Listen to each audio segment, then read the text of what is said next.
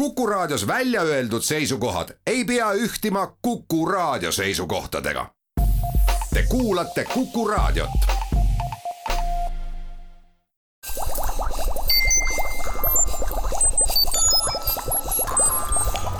Kuku Õun head Kuku kuulajad, Kuku Õuni eetris. Mina saatejuht Marek Strandberg. Ja külla olen kutsunud riikliku teaduspreemia ühe saajatest, kes on Priit Väljamäe. Ja tema on Tartu Ülikooli molekulaar- ja rakubioloogia instituudi kaasprofessor ja tegeleb asjadega, milleks on piltlikult öeldes jonnakad molekulid nimelt polüsahariidid. sissejuhatuseks äh, just seda, et äh, mida siis peetakse selliseks nii-öelda jonnakateks või raskelt töödeldavateks äh, polüsahariidideks ja miks nad siiski nii olulised on? tere, Priit, kõigepealt. no tere ja tänan kutsumast. tõrksad polüsahariidid, jah, nad on jonnakad, meie kutsume neid tõrksateks, aga. tõrges on jah õige nimetus, täpselt, täpselt ja tõrges tähendab siis seda, et nad ei lag-, hallu hästi lagundamisele. tõrksad polüsahariidid on struktuursed polüsahariidid, see tähendab seda, et organismid sünteesivad neid selleks, et oma struktuuri tagada.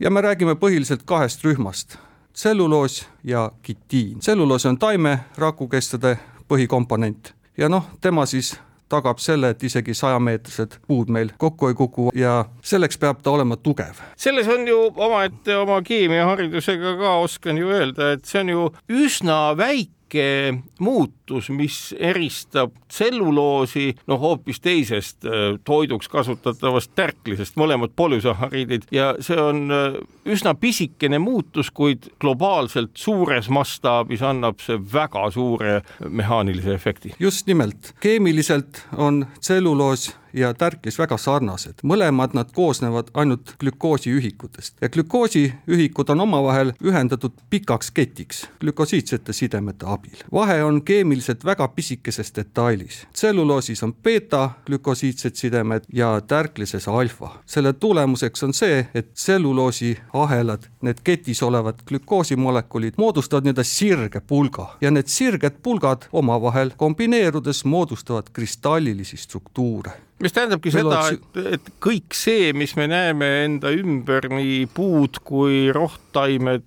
mille noh, tavatu osa on see, et tõepoolest, kui te vaatate mingit kõrtki, kui pikk see on, kui peenike see on ja kui hästi ta tuulele ja igasugustele mehaanilistele mõjutustele vastu peab. just nimelt, see on just selle tõttu, et tselluloosiahelad võimaldavad kristalliliste fiibrite kiudude moodustamist. tärklises seda selline stru-, kristallilise struktuuri moodustamine võimalik ei ole ja seetõttu on need glükosiidsed sidemed seal lagundamiseks hästi kättesaadavad ja tärklis ongi varu polüsahariid. tema eesmärk on säilitada organismi glükoosivaru. ka meie organismis on glükoosivaru sarnase struktuuriga, ta on glükogeenis ja sealt ongi vaja, kui meil on head ajad ja energiat on palju, siis me sünteesime tärklise, inimeses siis on on see glükogeen ja halbadel aegadel, kui on kiiresti vaja energiat saada, saadame ensüümid peale, mis vabastavad sealt kiiresti glükoosi ja saame seda kasutada. ma mõtlen seda, et selline energia salvestamine on ju noh, üsna tavaline elus organismide puhul ja tegelikult ju hämmastav on see, et mõnes mõttes ju inimenegi tänasel hetkel äh, kõikide oma energiaprobleemide osa lahendamise mõttes ju pöördub taas ja taas nendesamade tselluloos bioloogsete äh, struktuuridega üleval püsivate organismide puude poole, raiub neid, et energiat saada. Ähm, on see lõppkokkuvõttes otstarbekas või, või mitte, seda me ei oska öelda, aga ma saan aru, et tselluloosi äh, lagundamine just nimelt äh, mikrobioloogiline või ka ensümaatiline lagundamine on oluline just nimelt selleks, et kätte saada ka inimese kasutusmaterjale, mida õnnestub taaskasutada ja millest luua täiesti uusi, mitte ainult põletatavaid, ma loodan, vaid ka kõikvõimalikke muid materjale ja kemikaale. jah, loodus kasutab tselluloosi lagundamises, lagundamist juba, juba pikka aega, kui tekkis tselluloos, tekkis ka selle lagundamiseks vajalikud ensüümsüsteemid ja mikroorganismid, kes siis toituvad sellest sellest, looduses midagi raisku ei lasta. nüüd inimesed tahavad ka kasutada tselluloosis peituvat suhkrut, no miks see parem on, kui tärklises olev ei olegi? Selles mõttes parem, glükoos on ikka glükoos, lihtsalt kasutades tärklist me konkureerime toiduainetööstusega, inimesed tahavad ka palju süüa ja tselluloosi me ei söö, nii et see pakub meile võimaluse asendada fossiilsetest kütustest pärinevat äh, süsinikku nii-öelda tselluloosist tuleneva süsinikuga, mis on siis nagu taastuv. ometi on meil ju äh, nii-öelda samasuguseid loomi, lähedasi meiega, nagu me ise äh,, mäletsejaid nimelt, kelle maos elab terve hulk organisme, millised on suutelised tselluloosi lagundama. jah, siin on omavaheline nii-öelda koostoime. kas nüüd äh, nende ähm, ensüümide fermentide leidmiseks ja kasutamiseks on veisemaguse õige koht, kus otsima minna, kes on head tselluloosi lagundaja? no tavaliselt otsitakse neid ikka rohkem seeneriigist, sest põhiline osa tselluloosi lagundatakse nii-öelda kõdukihis ja, ja, ja seened on põhilised tselluloosist toitujad, ka bakterid aga seente ensüümsüsteeme peetakse vast kõige efektiivsemateks. seened on selles mõttes huvitav nii-öelda valik, sellepärast et äh, teistpidi seen ise ju koosneb ka nagu putukaski kitiinist. jah, aga ka kitiin ja tselluloos on väga sarnased, seal on lihtsalt isegi glükosiidne side on sama, lihtsalt glükoosi asemel on N-atsetüülglükoosamiin ja jällegi moodustab kristallilisi struktuure, nii et üldomadustelt väga sarnane. ma küsin lihtsalt aga... lugeja enda harimiseks, kas kitiinil on ka siis selline pehmem ja, ja ütleme siis lihtsamat omastamist võimaldav tärkliselaadne erim? hea küsimus, aga ma pean vastuse võlgu jääma ma hakkasin mõtlema, et ma ka ei teadnud seda, et ma just mõtlesin, et kas, kas neil on ka midagi samasugust, aga noh, las see jääb siis luge-, kuulajale, kuulajale otsida eks ma vaatan ise ka pärast saadet. ja ma nüüd saangi aru, et siin on ju jällegi, et tööstuslikult tselluloosi tükkide selgeks tegemine ei ole ju ütleme, mingisugune väga keeruline probleem, hapete alustega hüdrolüüsitakse, seda on tehtud pikka aega.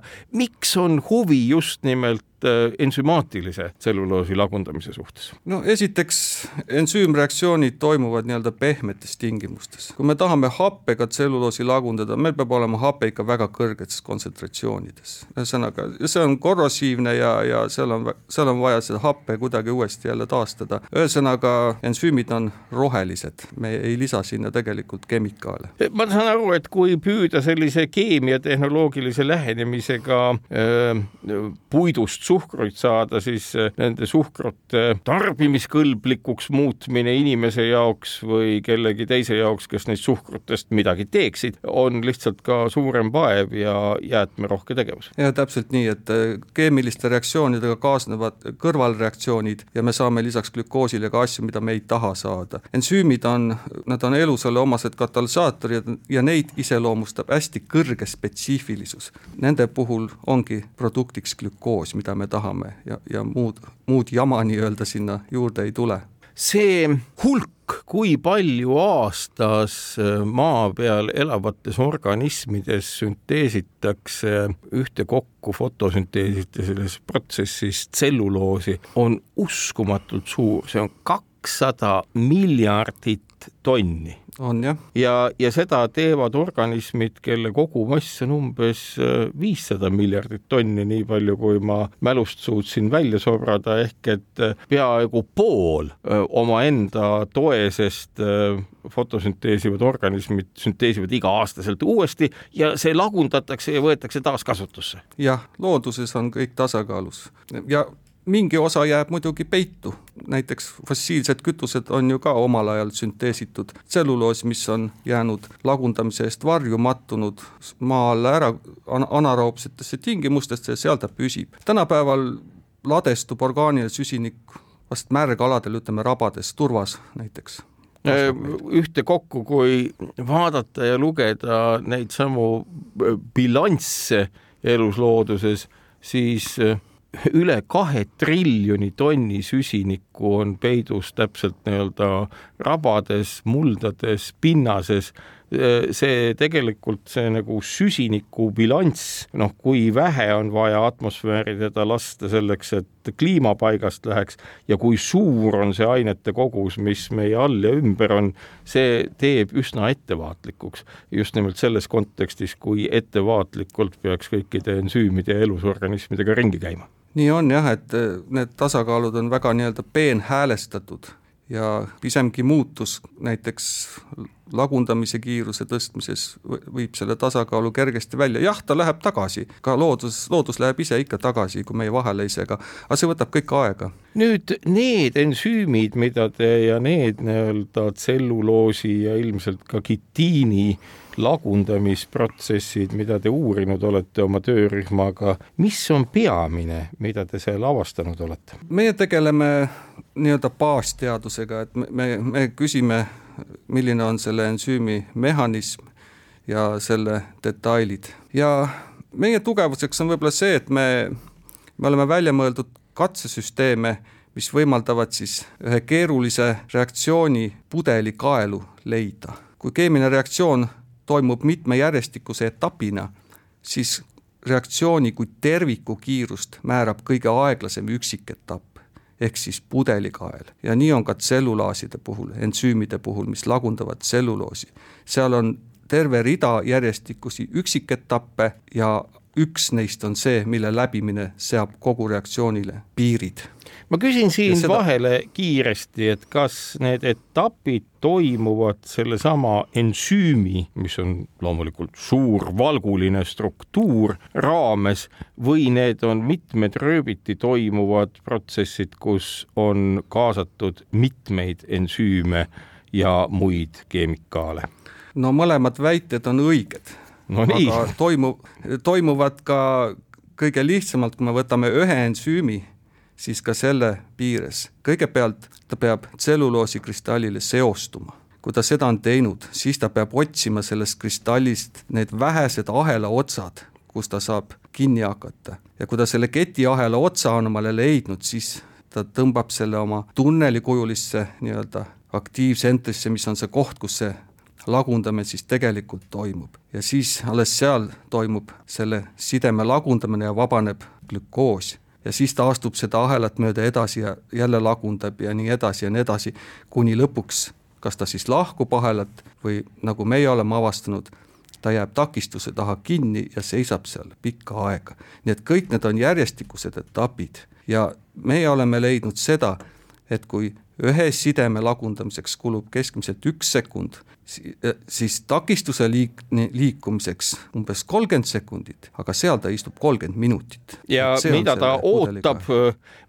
kui ta on jõudnud takistuseni? ta ootab sellepärast, et takistus ei lase tal edasi, ta tahab edasi minna, ta ei saa, aga tagasi minna ehk lahti tulla ta ei saa sellepärast, et ta hoiab ahelast kõvasti kinni ja seda ta peab selleks tegema, et tal üldse oleks võime edasi liikuda. kui ta kergesti lahti tuleks, siis ta ei, siis ta teeks kaks lõiget ära ja kukuks maha sealt, nii et see on, seal on head ja halvad küljed. Ja kui me tuleme selle teise osa juurde, et jah, meil on erinevad ensüümid, siis oleme leidnud, et selline ensüüm nagu endoglükanas, tema teebki paar lõiget ja siis läheb uude kohta ja tema on võimeline neid takistusi eemaldama. ma praegu meil... mõtlen sellele, et see protsess, mida sa kirjeldad, sarnaneb üsna, üsna väga sellega, millisel moel askeldab ribosoom milline siis nii-öelda sünteesib ja, ja paneb kokku RNA alusel valku, mis ka liigub mööda mingit molekuli, mis ei ole küll glükoos, vaid RNA molekul, kombineerib sinna aminohappeid, mis ei tähenda, et ta lagundaks, vaid just sünteesib, aga kõik need sellised ensümaatilised protsessid tunduvad olevat nagu sellised pisikesed molekulaarsed masinad, nanomasinad või ma ei oskagi öelda, veel väiksemad masinad.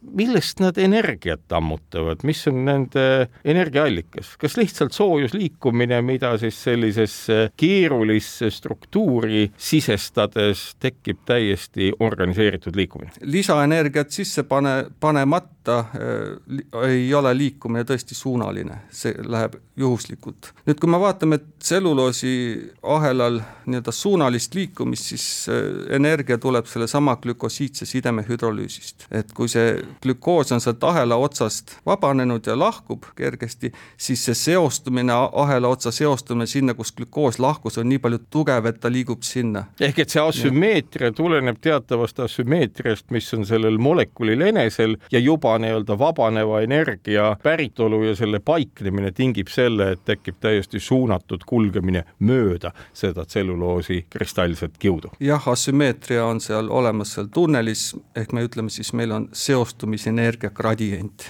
et ja see alla seda ta liigub, aga vahepeal on üks glükoos vaja sealt ära lõigata muidu ta, kui ta, kui seda ei ole, siis ta jääb seisma, siis tal või hakkab edasi-tagasi pendeldama. ma mõtlen natukene globaalsemalt, mis puudutab nagu kliimat ja elu üldse maa peal. kas need ongi kõik need protsessid varjatud meie vabalt vaatleva silma eest, aga nähtavad siis, kui rakendame keerukamaid mõõtmismeetodeid, mis neelavad ära suhteliselt suure hulga sellest päikeseenergiast, mis maale langeb ja mis muidu soojendaks kliimat, keskkonda, keskkonda, maad, atmosfääri, mida kõike, aga kuna selliseid ühes sekundis ära lõikava kiirusega toimivaid ensüüme on ikkagi väga-väga palju, nagu sa ütlesid või kirjutasid mulle ennist, millest ma ka selle kakssada miljardit tonni võtsin, ehk et kakssada miljardit tonni tselluloosimolekule ju tegelikult, kui neid sünteesitakse, siis neid ka lagundatakse glükoosimolekuli arvelt ükshaaval üks sekund, üks molekul ja see ju neelab tohutult energiat ikka tselluloosi lagundamisel ikkagi vabaneb energia, see on, see on energeetiliselt soodne protsess. nii et päikeseenergia läheb, siseneb elus või sinna biosfääri siis fotosünteesi kaudu ikkagi ja see on minu arust see koht. Ja seal neelatakse see energia, mis ei pääse nii-öelda lihtsalt kuumutama keskkonda. ja põhimõtteliselt ja selle, selle energia arvelt sünteesitakse ka siis tselluloos, tema lagundamisel energia juba vabaneb, aga ma arvan, et see osa päikeseenergiast, mis elusorganismid kasutavad, on suht tühine. aga ega ju väga palju ei olegi, me räägime siin ka ju väga väikestest kogustest, mida päikeseenergiat jääb nagu liialt ripakile ja mille mõju kliimale, need on need täpselt need üliväikesed osad, mis mõjutavad äh, suuri protsesse päris märkimisväärselt. vähemalt selles kontekstis, mis puudutab inimese elu.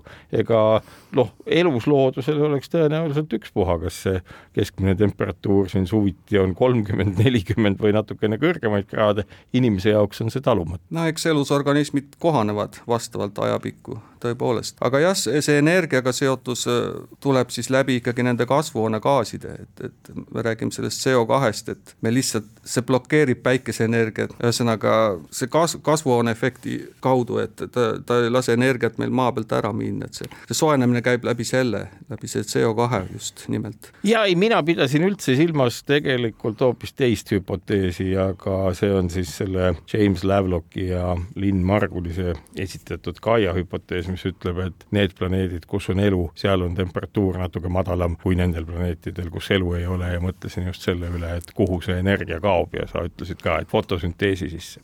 aga kui me nüüd tuleme nende samade ensüümide juurde, siis eh, kui palju neist täna teatakse, nendest mehhanismidest, nendest protsessidest ja kas ollakse nii kaugele jõutud, et et osatakse siis näiteks juba mõnda ensüümi kunstlikult kavandada ja disainida. jah, eks need ikka kavandatakse ja disainitakse ja, ja need pudelikaelad, millest siin ennist, ennist sai räägitud, on just sellepärast olulised teadvustada, et siis me oskame oma jõupingutused ensüümi muutmisel koondada sinna, kus on see aeglane koht, pudelikael. meil ei ole mõtet kiirendada seda osa reaktsioonist, mis on niigi kiire vaid ikka seda, mis on aeglane. ja seda on ka näidatud, et kui me selle ensüümi lahkumist substraadilt kiirendame, siis ongi kogu reaktsiooni kiirus suurem. ehk et kui ta ei jää nii pooleks tunniks mökutama, vaid saaks kuidagi lihtsamalt aru, et see on lootusetu koht, mida nokkida, siis läheks ta sealt kiiremini ära ja reaktsioon kiireneks. ja selline ensüümi variant on tehtud ja tõepoolest lähebki kiiremini ära ja kogu reaktsioon kiireneb, jah.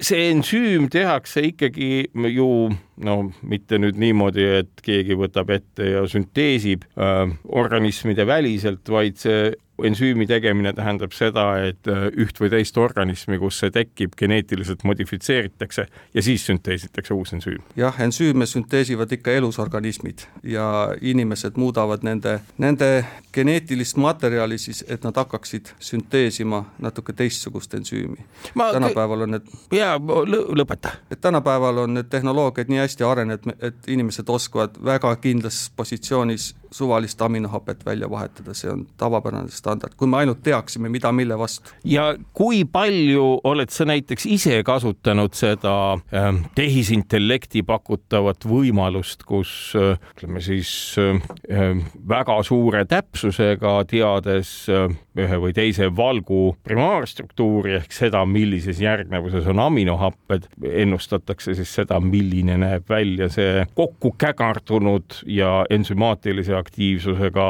eeldatavalt äh, valgustruktuur, kas sellist lähenemist kasutatakse väga palju, kus nii-öelda disainitaksegi äh, aminohapete primaarstruktuuri muutmisega seda keerulist molekulaarset masinat, millest me siin äsja rääkisime? jah, tänapäeval on arvutuskeemia meetodid juba nii palju arenenud, et meil on tõesti võimalus aminohappelisest järjestusest ennustada funktsionaalset ruumilist struktuuri ja seda tehakse, mina isiklikult oma, oma töörühmas küll nende meetoditega ei tegele, et meil on väike rühm ja me jääme oma liistude juurde jah, selle, selle juurde, kus me, meil on tugevused ja eelised, et me ei jõua kõige, kõigega konkureerida. kuigi ma pean ütlema, et ma olen ise seda katsetanud ja võrreldes ammuste aegadega, kui ma arvutikeemiaga rohkem tegelesin, on see tehisintellekti poolt nii-öelda kokku volditav molekul ikkagi väga-väga täpne ja see on üks suuremaid läbimurdeid üldse, mida võiks arvata, et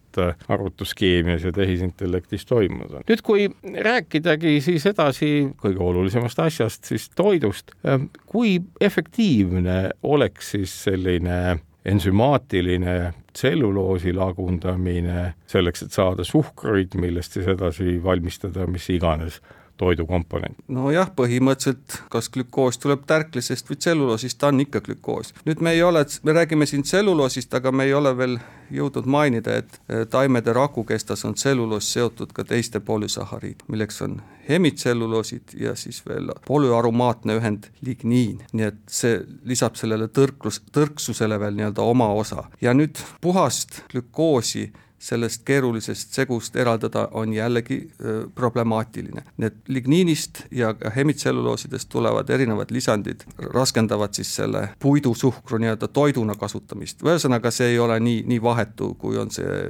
tärklise puhul, nii et see puidusuhkrut me täna vaatame ikkagi kui, kui siis keemiatööstuse lähteainetena. aga sellest me räägime juba pärast väikest vaheaega.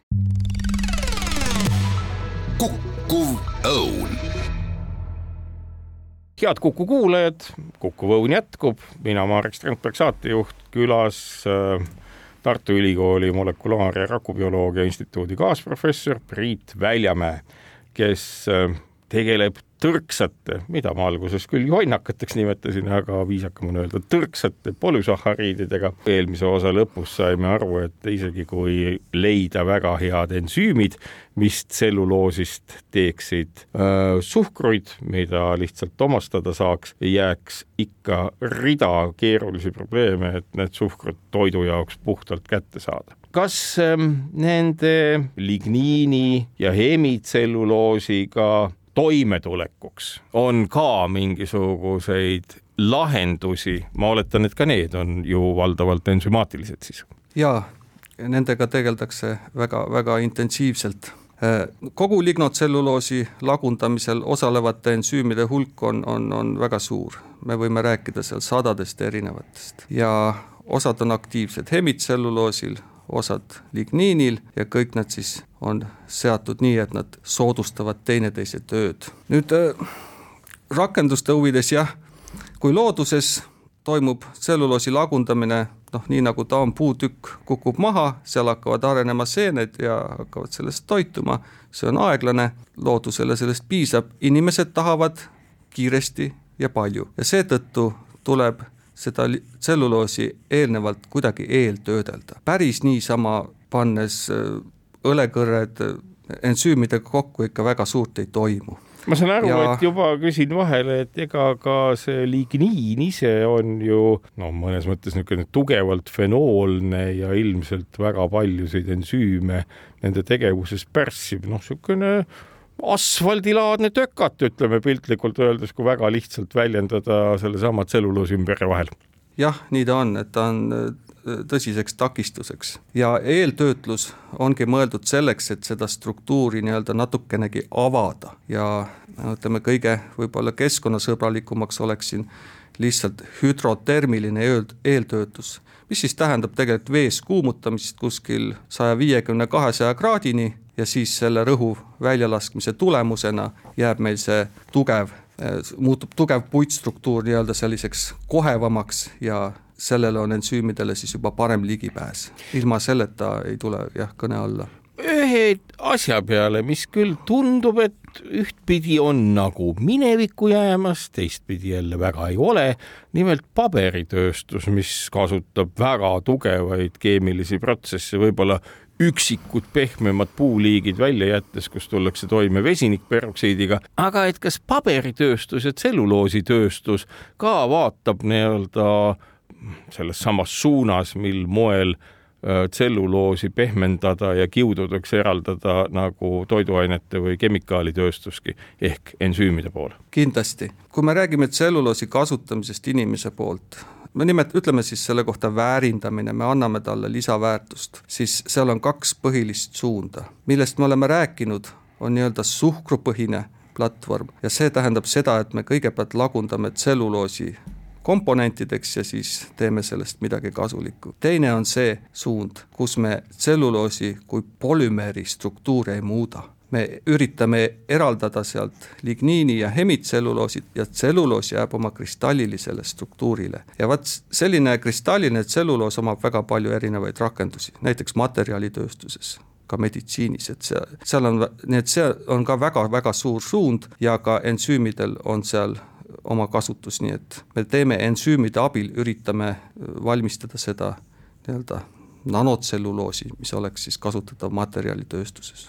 tõhusam kui puit ehk kiiremini kasvav materjal võiks, mis on ka ju tselluloos, on olemas ka nii vetikates kui rääkimata sellest, ka mõned bakterid suudavad ju tselluloosi toota. kuidas võiks ette kujutada seda tulevikku, et kas äh, metsad võiksid jääda selleks kohaks, kus tõepoolest liigirikkus püsiks tänu sellele, et puud ise üheskoos tekitavad väga mitmekülgse struktuuri, kus paljud teised elukad olla saavad kas me võiks ette kujutada, et kunagi enamus maal tarbitavast äh, tselluloosist pärineb vetikatest või bakteritest? noh, ma tegelikult loodan seda.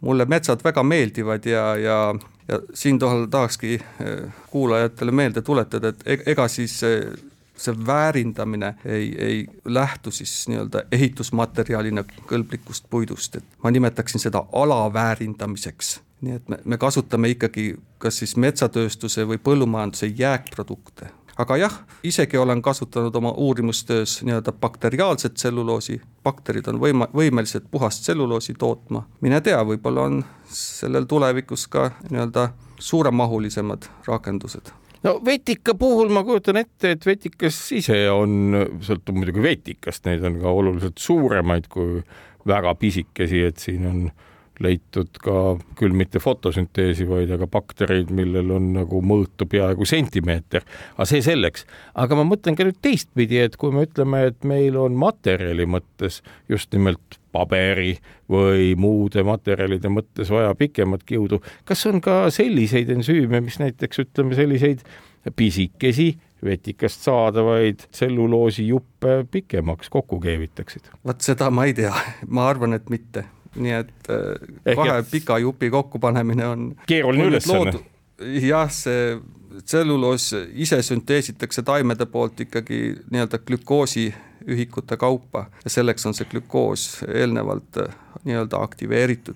Ja seal rakumembraanil siis need ahelad kasvavad ja nad kasvavad niimoodi, et äh, üksteise kõrval, nii et nii kui nad sealt väljuvad, sealt sünteesiva ensüümi pealt, et nii nad kohe ka omavahel kristalliliseks truudiks agregeeruvad. ehk et see on sama, ehk et see on sama ülesanne, kui öelda, et pange tuubist välja pigistatud hambapasta tagasi et see on no, nagu üsna, üsna ühepoolne protsess.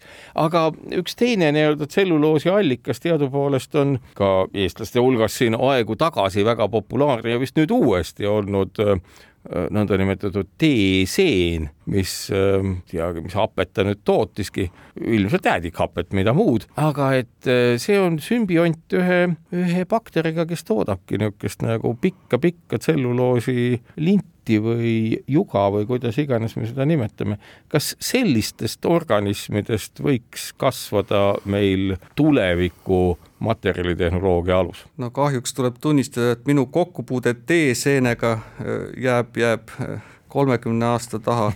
mu vanaema, vanaema mulle ikka pakkus seda ja, jooki. see on nagu uuesti populaarseks muutunud ja nii palju, kui mina tean, on seal üks, üks äh, nii-öelda päris seen, kes on sümbioosis siis bakteriga, äh, milline ongi siis nii-öelda sellist nii-öelda pikka-pikka ikka tselluloosi riba või juga või niisugust niiti toota. ja ka see bakt-, bakteriaalne tselluloos, mida me laboris kasvatame, ega ta moodustab tõesti niimoodi vedeliku pinnale selle teeseenelaadse niisuguse mati valge. Ja kui sinna, seal võivad tõesti sümbioodi, sümbiondid omale kodu leida, et mine tea. Kui me tuleme veel ühe asja juurde pärastpoole, mis puudutab kitiini, siis mis on kitiini nii-öelda kasutusvõimalused tänases maailmas, kui palju materjalide jaoks, kui palju, ma ei oska öelda, toidukomponentidena, seeni ju ometi sööme. no kitiini puhul jällegi võib rääkida sellest kahest äh, lähenemisest, et me võime ta ära lagundada ja siis see äh, N-atsetüülglükoosamiin on siis kasutatav näiteks mikroorganismide poolt selleks, et valmistada erinevaid meid huvitavaid öö, äh, ühendeid ja me võime kasutada teda ka polümeerina. no kitiini puhul on äh, väga laialt levinud äh, tema atsetüürrühma mahavõtmine ja selle tulemusena tekib meil kitosaan ja kitosaan on juba vees lahustuv või tähendab pundu, ta moodustab niisuguse keeliastruktuuri ja see leiab palju rakendamist äh, noh, kas või olen kuulnud, et kosmeetika, kosmeetikatööstuses. siinkohal teeme saatesse väikse vaheaja ja kuulake meid pärast pausi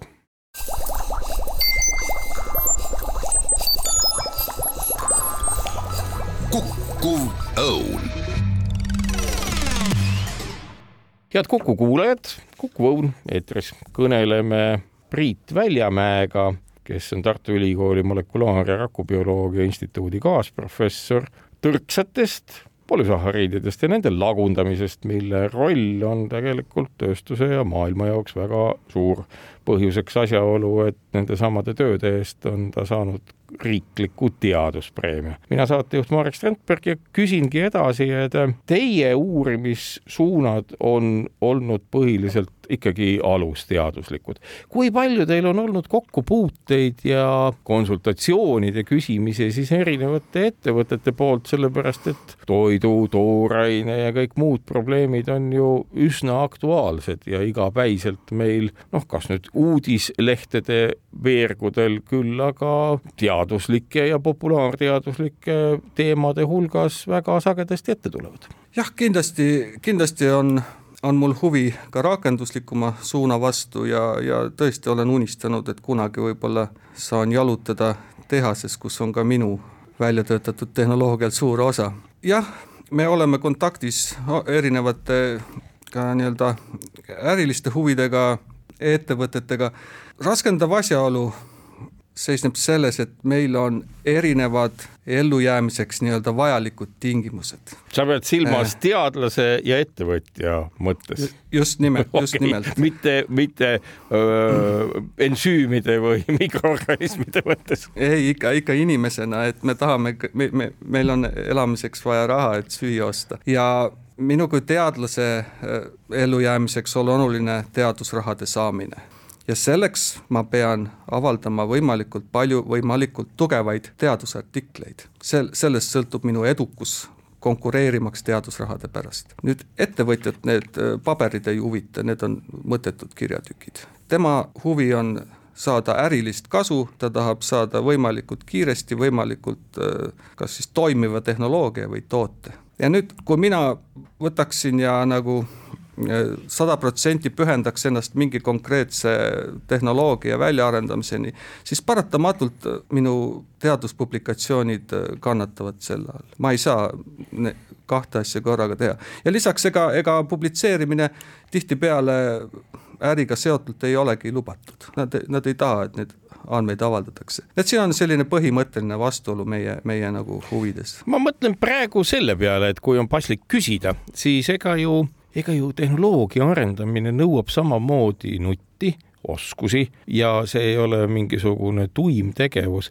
kas siin on pigem küsimus selles, et me oleme liialt keskendunud sellele konkurentsiolukorrale, mille ju üks kirjastus, Thomson Reutersi kirjastus oma kõikvõimalike indeksitega on meile ette andnud ja me oma raha jagamise mehhanismis oleme seda väga suure kaaluga arvestamas. kas asjaolu, et kui tippteadlane pühendub mõnda aega mõne tehnoloogia väljaarendamisse, oleks samamoodi heaks kiidetud kui tema edukuse tunnus, parandaks seda olukorda no põhimõtteliselt saab seda heaks kiita siis, kui see tegevus viib ka väga konkreetselt ettenäidatava tulemuseni. juhul, kui seda ei ole, siis, siis on, on selle arvestamine keeruline.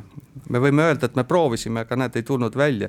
teaduspublikatsioon on selline konkreetne asi, mis on äh, aga ka teaduspublikatsioon võib olla selline, et me proovisime, aga ei tulnud välja, selles mõttes ei erine ta ju oluliselt ettevõtlusest, vaid äh, küsimus ongi nagu selles, et kui inimene jällegi, et kui me kujutame ette lihtsalt situatsiooni, loomulikult oludes, kus kõik üksteist petaksid ja valetaksid, on see problemaatiline, aga me ju eeldame, et me ei peta ja me ei valeta. Ja kui inimene panustab ühe või teise ettevõtte raames mingisse arengusse, ütleme niimoodi, et Elon Muskil on läinud selleks, et valmis saada maale naasev ja korduvkasutatav ning kosmoselende odavamaks tegev rakett. kaheksateist aastat ja miljardeid dollareid äh, raha, nüüd on tulemus käes, aga väga paljud tulemused jäävadki saavutamata, kuna ei ole õnne, taipu ja kes teab mida täitsa õige.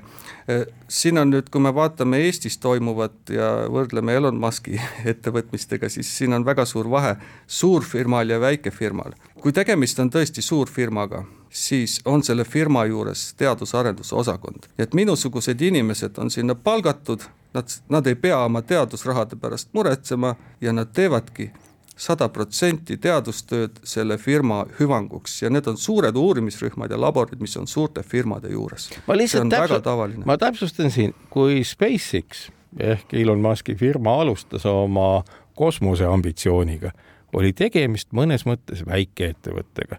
noh, tõsi, tal oli oma e-äris läinud hästi, tal oli kasutada täpselt sada miljonit dollarit, mis noh, ütleme, on palju aga kosmoseprogrammi käivitamiseks ikka kõhedust tekitavalt vähe.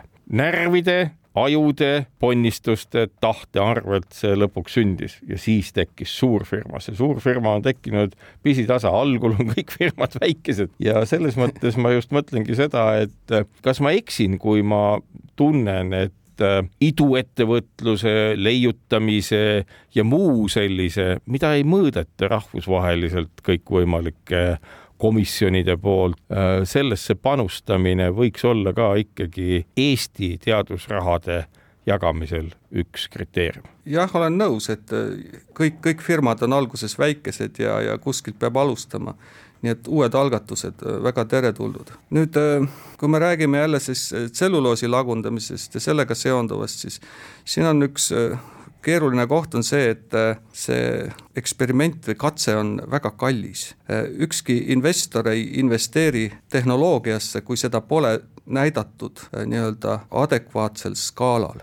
mis see teeb kalliks käinud..., mis see teeb selle katse kalliks? no laboris katsetada väikstes kogustes ei ole kallis aga investorid ei veena see, et kui miski toimub labori skaalas, toimub see ka eh, suuremas skaalas, et meil on laboriskaala, siis meil on pilootskaala, siis on demonstratsioonskaala ja siis tuleb tootmisskaala. Ja ütleme, üks äh, piloot või demonstratsioonskaala tehas on umbes kakssada miljonit eurot. see on see eksperiment, mille sa pead näitama, enne kui keegi on nõus seda tehnoloogiat ostma. selliseid näiteid on küll, kus on ehitatud tehas ja sealt tulevad välja sellised probleemid, mida sa elu sees laboris ei näe ja mille peale sa ei tule. Need tulevad skaalaga koos välja, nii et see on selle alguse suhtes just keeruline et äh, müts maha, meil on väga palju tublisid IT-ettevõtjaid ja, ja, ja sealt on väga, väga suurt kasu Eestile tulnud. seal erinevus on väga suur selles, et äh, põhimõtteliselt on vaja ajusid ja arvutit ja tooli ja, ja, ja pealehakkamist ja on võimalik. biotehnoloogias on vaja veel terve rida seadmeid ja masinaid, mis ei ole pelgalt virtuaalsed. just, ja kui me räägime veel suurtest mahtudest, meil on meditsiinitehnoloogia, kus mingi pisikes, pisikeses skaalas molekulisüntees, mingi ravim, mida on väikestes kogustes produkti vaja, see tuleb ka kõne alla. aga me räägime produktist, mida veetakse rongidega, nii et sellepärast on meil, meil on suured skaalad küsin nii täiesti lõpetuseks, et millal sinu visioonis tekib olukord, kus tõepoolest inimtoidu jaoks ei ole vaja enam põldu, vaid pigem reaktoreid ja nupule vajutades seda valku, suhkruid, rasvu hakkab masinast tulema, olgu see masin siis nii keerukas mikrobioloogiline, ensümaatiline seade kui tahes kas selline aeg võiks saabuda kunagi? noh, kunagi ei tea. ma usun, et põldu on ikka vaja, et kuskil, kuskil kasvab, kasvab vili, kuskil kasvavad puud, aga jah, ei ole võimatu, et, et me oleme võimelised kunagi sünteesima kõike ka, ka ise ja laboris. nii et see võib täitsa olla tulevikus meie toidulaud. aitäh, Priit Väljamäe tulemast Kuku Õuna saatesse kõnelema tõrksatest polüsahariididest, meie tehnoloogilisest tulevikust, teadusest veidi. sellega on Kuku Õun läbi ja kuulake meid jälle uuesti nädala pärast ja kaunist päeva teile. kukkuv õun